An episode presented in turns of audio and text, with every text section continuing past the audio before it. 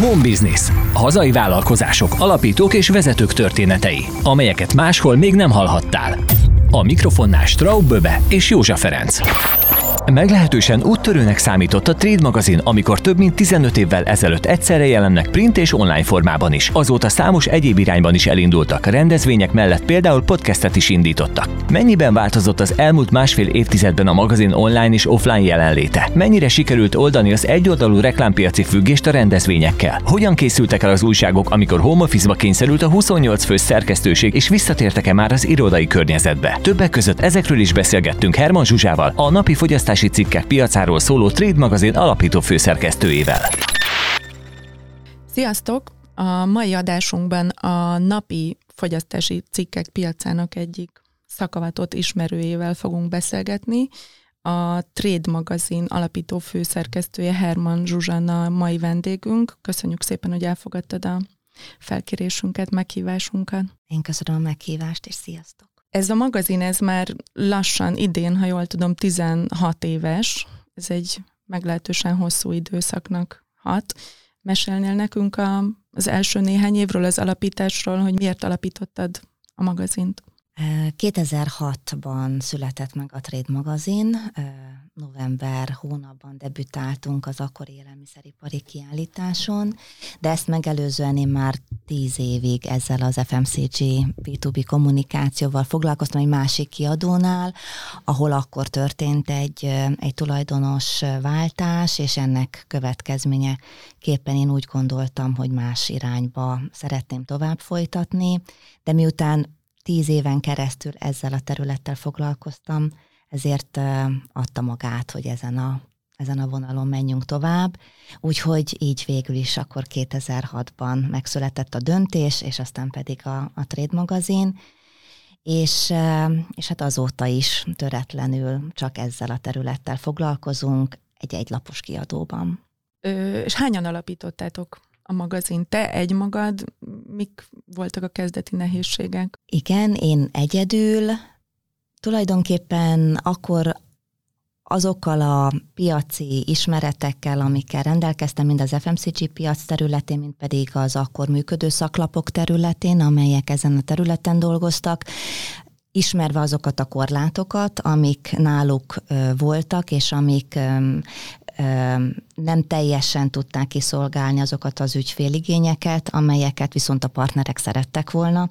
Ezért úgy gondoltam, hogy, hogy van egy ilyen lehetőség, hogy csináljunk egy olyan lapot, ami akkor tényleg az ügyfelek maximális kiszolgálását tudja szem előtt tartani.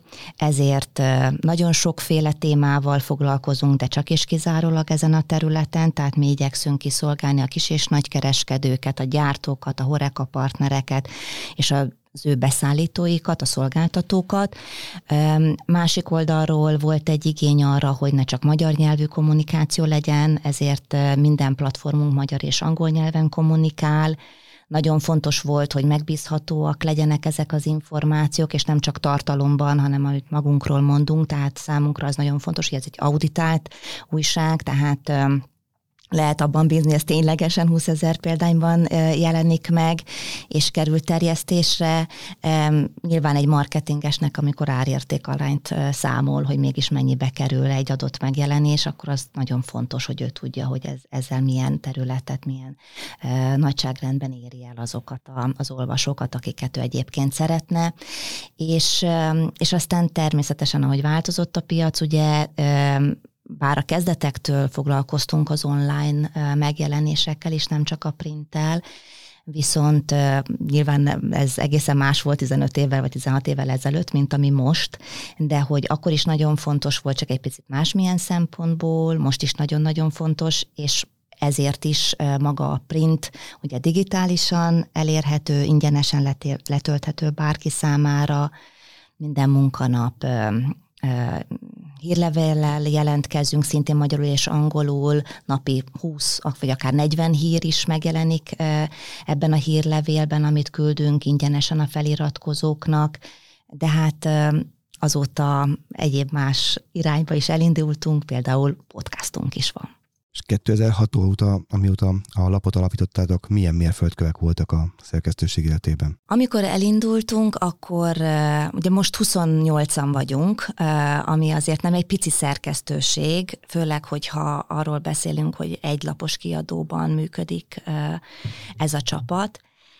Nyilván az elején nem voltunk ennyien, tehát fokozatosan bővültünk, és, és egyrészt, ahogy egyre több szolgáltatást próbáltunk kínálni a partnereknek, úgy hozta magával az is, hogy, hogy egyre több kollégára volt szükség, de azokkal a kollégákkal nagy mértékben, akikkel akár 15-16 évvel ezelőtt, sőt, sokkal, sokukkal 20-25 évvel ezelőtt kezdtem együtt dolgozni, ők ma is a csapatomba tartoznak. Gyakorlatilag ugye említette, hogy 2006-ban ti már elindítottak az online platformmal is. Ez akkor még ugye eléggé úttörőnek számított, szóval nem vagy csak online volt egy újság, vagy csak offline volt egy újság. Nagyon nem voltak ilyen, ilyen hibrid verziók. De hogy látod a médiafogyasztási szokásokat az elmúlt időszakban, hogyha visszatekintesz 2006-ig, akkor milyen mértékben tródott el az offline fogyasztás? A kezdetektől fogva Ugye foglalkoztunk az online-nal, de egy kicsit kényszerből azt láttuk, hogy, hogy nálunk nagyon erős a print fókusz. Tehát az olvasó közönségünk az, az szinte csak és kizárólag a printet használta sok-sok évig, még az elején. Azt gondolom, hogy nyilván egy picit a korosztályból is adódik, nyilván abból is, hogy mihez szoktak hozzá, nyilván abból adódóan is, hogy milyen más egyéb információs források voltak, amiket akkoriban, és ahogyan azokat lehetett használni. Aztán nyilván, ahogy ez változott, mind környezetben, mind az egész világ információs éjségében, hogy mindenről azonnal is szeretnénk tudni, ez nyilván, hogy, hogy kikényszerítette azt, hogy ma már egy, egy havi print magazin nem létezhet anélkül, hogy a, a napi információkat ne tudja ugyanazoknak az olvasóknak eljuttatni. És ez a fajta kényszerűség azért én azt gondolom, hogy nagyon jó, mert folyamatos fejlesztésre inspirál mindenkit, és rengeteg lehetőséget ad, mind a mellett, hogy persze a, a az iránt, ami, amihez mi nagyon kapaszkodunk, amiben nagyon kapaszkodunk a, a print, tehát hogy, hogy ennek is meg kellett teremteni folyamatosan azokat a, azokat a, az újdonság részeit, ami, ami pedig megoldhatóvá teszi azt, hogy, hogy ma már mondjuk egy printnek kell digitális formában is léteznie, ahogy nálunk is például a, a lapszámokat ingyenesen le lehet ugye tölteni a honlapról, és, és bár nem kis terjedelmű a Trade magazin, viszont sok esetben ilyen 200 oldal körül járunk, de a digitális magazin még ennél is több. Tehát, hogy az megadja azt a lehetőséget, hogy, hogy plusz tartalmakat tudjunk beletenni, aminek nyilván megvan egy koncepciója, hogy milyen ö, alapon választjuk azt, hogy mi megy csak a digitális magazinba, és mi kerül a printbe, de az, aki ö, fogyasztja rendszeresen a digitális magazint, az nyilván látja a különbséget.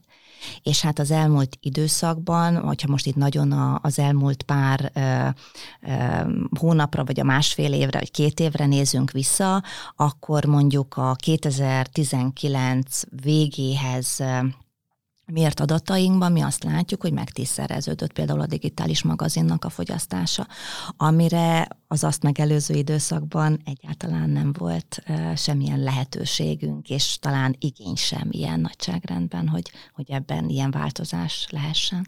Az, hogy a magazin digitálisan is letölthető, az mennyire fogja vissza mondjuk azt, hogy ezt offline ti ugye direkt terjesztéssel terjesztek, tehát elő, csak előfizetői bázis kapja meg, tehát nem lehet kapni újságárusoknál, standokon, vagy egyéb, egyéb helyeken. Kérdés az arra irányul, hogy miért fizessek elő, hogyha ingyenesen letölthetem. A Trade magazinnak a terjesztése az leginkább ingyenes, Ugye nekünk az a fontos, mi egy hirdetési árbevételre fókuszáló magazin vagyunk, tehát nálunk az a fontos, hogy aki nálunk megveszi a hirdetést, az biztos legyen abban, hogy az oda el is jut, ahova ő szeretné, és emiatt nincs az a kényszer benne, hogy csak előfizetők kapassák. Van előfizetői adatbázisunk, de ezeknek a száma összességében a 20 ezer példányt tekintve nem számottevő, van ára a magazinnak, tehát bárki, aki biztosan ö, szeretné úgy és akkor és ott ö, megkapni,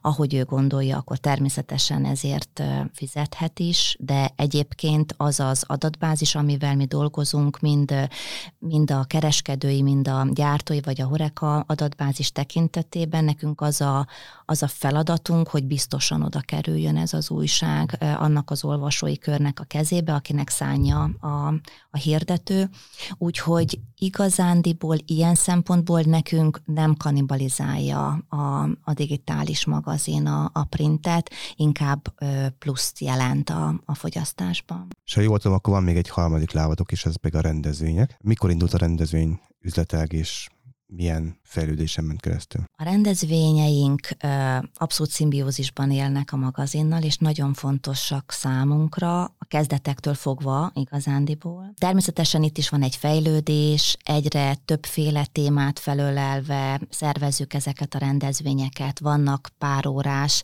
kis klubdélutánok, vannak egynapos konferenciánk, de van ötnapos vidéki szakmai konferenciánk is, amely a legnagyobb FMCG független szakmai fórum, ez a Tapolcai Business Days konferencia, és már ezt is szerveztük a kezdet-kezdetén, de akkor még csak három napos volt, aztán utána lett belőle négy napos, és most néhány évvel ezelőtt váltottunk öt napra.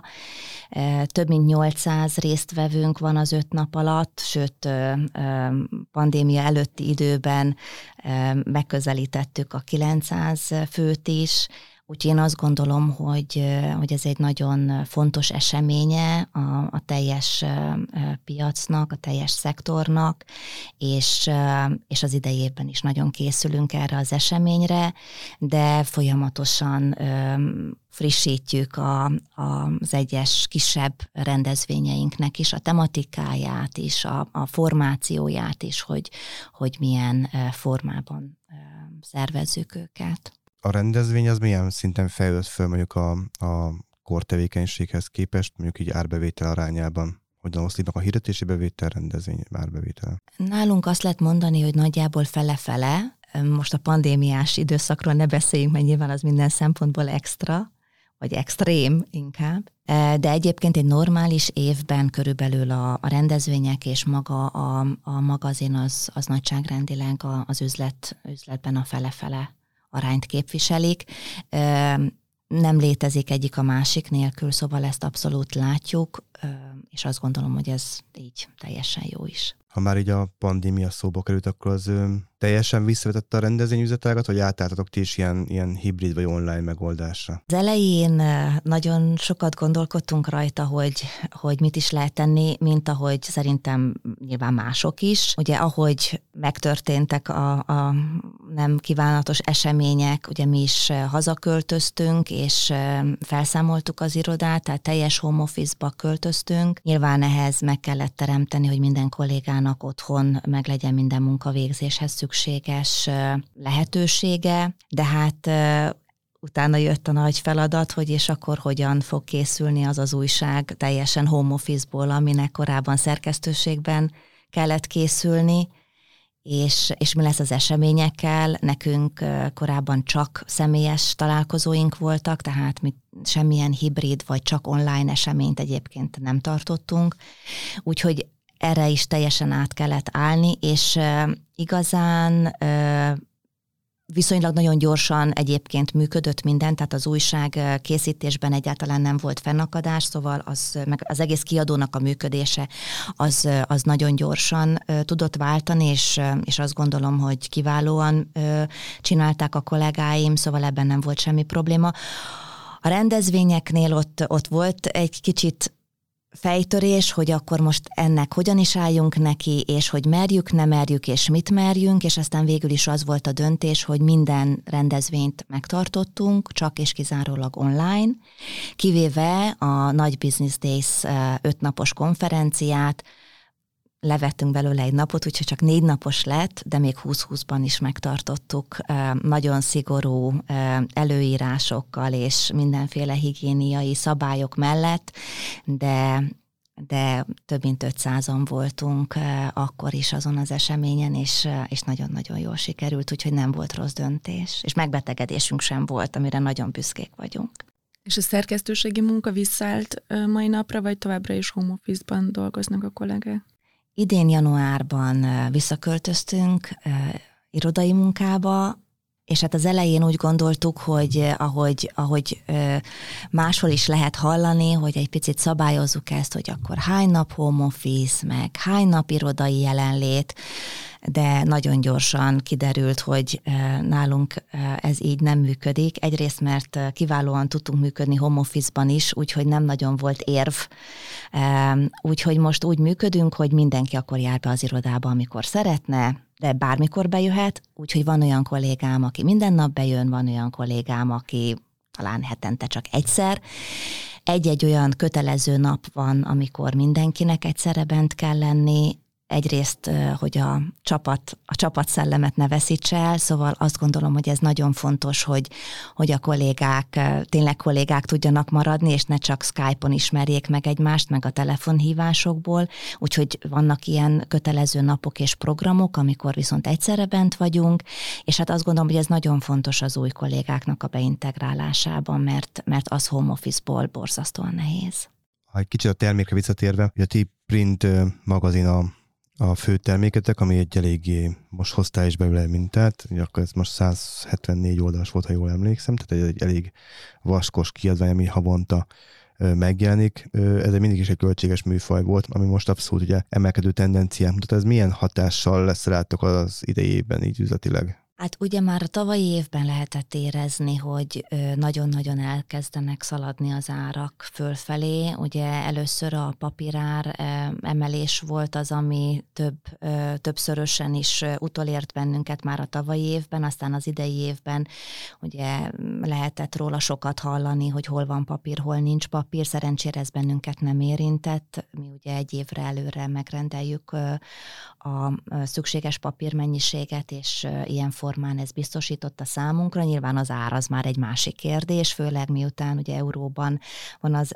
elszámolás, ez aztán így extrában nehézséget jelent még, de természetesen a nyomdár vagy a terjesztési költség, és hát a munkabérekről ne is beszéljünk, tehát hogy nagyon nehéz mindig futni ezek után a, a megnövekedett költségek után, és tervezni azzal, hogy akkor hogy akkor ezt hogyan is lehet kiegyenesíteni.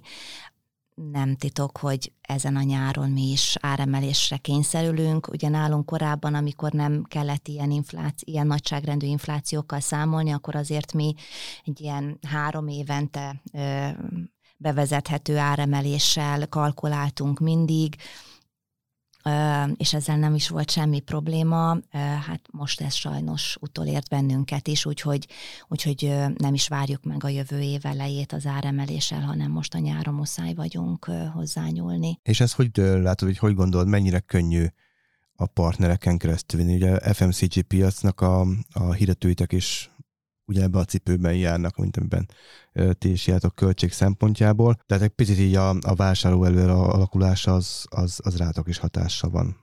Nyilván nem könnyű, tehát az ő helyzetük sem, sőt, ismerjük a, az elmúlt időszakos problémákat, akár a kereskedelemre vonatkozóan, ugye a, az extra profit adó, vagy, vagy, vagy akár a, a gyártói körben az alapanyag hiány és az energia áremelések, és, és sorolhatnánk. Tehát, hogy, hogy nagyon-nagyon sok minden nagyon-nagyon sok minden terheli őket is, és mi is csak egy költségsor vagyunk a partnereinknek a költségtáblájában, de sajnos nem tudunk mit tenni. Tehát ha szeretnénk jövőre is magazint kiadni, és nagyon színvonalas és tartalmas dolgokat megjelentetni, akkor sajnos muszáj vagyunk mi is hozzányúlni a költségek miatt az árakhoz. A világon lévő média termékeknél nagyon sokszor előjön az a probléma, hogy a Facebook, Google és egyéb ilyen social platformok nagyon sok hirdetési bevételt kivesznek a, az ő rendszerükből. Ez a B2B piacra mennyire jellemző? Talán nekünk egy Picit itt szerencsénk van, mert ugye mi nem a nagy közönség felé kommunikálunk, hanem egy nagyon, nagyon jól körülhatárolható körön belül mozgunk, és ebben a körben úgy, hogy nálunk csak és kizárólag ugye a szakmai kommunikáció, a vállalati kommunikáció jelenik meg, így ez kevésbé érinti ezt a területet. Viszont, viszont az látszik, hogy nálunk is ugye miután ezeken a social platformokon jelen vagyunk, és jelen is kell, hogy legyünk, egyre több a követőnk, nekünk is egyre aktívabbnak kell lenni, tehát nekünk is folyamatosan használni kell ezeket a, ezeket a platformokat. Még nem beszéltünk arról, hogy ti viszonylag sok ö, védjegyet ö, magatokének tudhattok, és különböző díjakat is nyertetek. Egy, ö, egy szerkesztőség, egy kiadó életében mi, milyen szempontok vezérlik a, az ilyen védjegyek megpályázását, elnyerését, milyen ö, hasznotok származik abból, hogy rendelkeztek? És egyáltalán mik ezek a védjegyek, mondd el nekünk kérlek. Azt gondolom, hogy nem csak nekünk, mindenkinek borzasztóan fontosak a különböző elismerések, a szakmai díjak, a különböző címek, amivel rendelkezhetnek akár a termékeik, a szolgáltatásaik, vagy akár csak a kollégáik is. És nyilván nem vagyunk kivételek, tehát, hogy ezekre mi is határtalanul büszkék vagyunk, és, és nagyon fontosak számunkra. Egyrészt azt gondolom, hogy, hogy egy nagyon jó visszajelzés, és egy, egy elismerés a, a, a kollégáimnak, a munkájukért, a, tulajdonképpen minden olyan számunkra fontos feladat, amit, ami, a, ami így a mindennapjainkat kitölti, amivel foglalkozunk, akár az újságot készítjük, akár rendezvényekre készülünk. Én azt gondolom, hogy az a fajta minőség, amit, amit mi magunknak kitűzünk, vagy az a mérce, amit magunknak felállítunk, és természetesen ez minden esetben a partnereinknek az igényeihez szabott, az nagyon jó, hogyha, hogyha ott néha jön egy visszacsatolás, hogy igen, ez, ez így jó, ahogy csináljuk, és én azt gondolom, hogy ez nem lehet kérdés. Akkor amikor valaki szolgáltatóként megjelenik a piacon, vagy akár terméket gyárt az ő vásárlóinak, akkor az mindig egyfajta megkülönböztetést segít nyújtani, hogyha ha az ember azt tudja mondani, hogy ő egy bizonyos minőség felett tud teljesíteni. És ezek a védjegyek, és ezek a címek, és elismerések, ezek mindezt hivatottak mutatni, hogy, hogy egy picit több, és értékesebb, és jobb, amikor, amikor választania kell az ügyfélnek, hogy minket választ, vagy valaki mást. Még van egy téma, ami, amit szerettem volna tőled megkérdezni, az pedig a FMCG szektorban is ugye egyre inkább a generációváltás a végbe megy, egyre több helyen a vezetők, döntéshozók, azok ugye egy, egy új generációból kerülnek ki, és hogy nagyon nagy a szakadék a Z generáció és a 40 pluszosok médiafogyasztási szokásai között. Ezt te hogy látod a következő öt éveteket, mennyire fogja befolyásolni, akár a termék átalakításban, akár, akár új termékek bevezetésében? Biztos, hogy alakítani fog a jelenlegi portfólión. Nyilván maradunk az FMCG piacon belül, ez nem kérdés, de ugye ahogy a partnereinknél is jön az új generáció, az, az, az ügyfeleink is fiatalodnak, úgy azt gondolom, hogy az ő igényeikre kell szabnunk a mi termékeinket és a szolgáltatásainkat is, és ebben a mi részünkről megvan a nyitottság, ezért is folyamatosan újítunk minden téren, Úgyhogy én azt gondolom, hogy, hogy, hogy ebben inkább csak egy, egy újfajta közös munka irányába fogunk majd elmozdulni, szóval ez nem, ez nem hátrány, vagy ez nem negatívum, hogy, hogy bizonyos generációkra készült eddig mondjuk a, a magazin és a rendezvények, és ezután majd akkor, hogyha őket kevesebb számban fogjuk tudni elérni, mert, mert a piacon esetleg ők is kisebb számban lesznek már jelen, akkor, akkor nekünk ez, ez egy veszteséget fog jelenteni. Az mindenképpen, hogy hogy ők kevesebben lesznek, de a másik oldalon pedig az, hogy jön az új generáció, az egy új lehetőséget jelent nekünk, és nyilván szeretnénk majd ezt megragadni. Sok sikert kívánunk nektek a, az idei és a jövő évi célok eléréséhez, és köszönjük szépen, hogy a vendégünk voltál. Én köszönöm a meghívást és a lehetőséget. Köszönjük a beszélgetéseket, szeptember 23-án találkozunk. Sziasztok! Home Business. Hazai vállalkozások, alapítók és vezetők történetei, amelyeket máshol még nem hallhattál. A felvétel a t stúdióban készült. thustudio.hu. A beszélgetést a Magyar Termék Nonprofit Kft. támogatta.